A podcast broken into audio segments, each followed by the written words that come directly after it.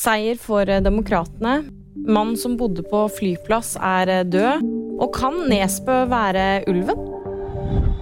Demokratene beholder flertall i Senatet. Et svært jevnt mellomvalg nærmer seg slutten, og etter nesten en uke med telling så er Senatet avgjort. Nå gjenstår Representantenes hus.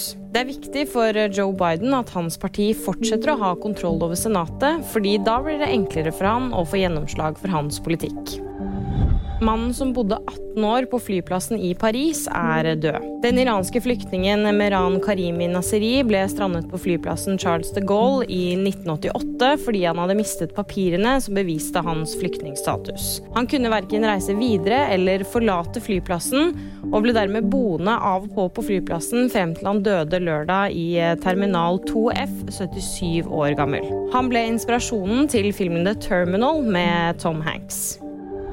I en kort tid lørdag så sto det på forfatteren Jo Nesbø sin Wikipedia-side at han i 2022 deltok som ulven i Maskorama. Lørdag kveld så ble det fjernet. Nesten alle og enhver kan skrive på en Wikipedia-side dersom man ønsker det. Men i tillegg til forfatter så er også Nesbø vokalist i bandet De Derre, så man får vente og se om han er ulven eller ikke. Og VG-nyhetene de fikk du av meg, Kaja Marie Andreassen.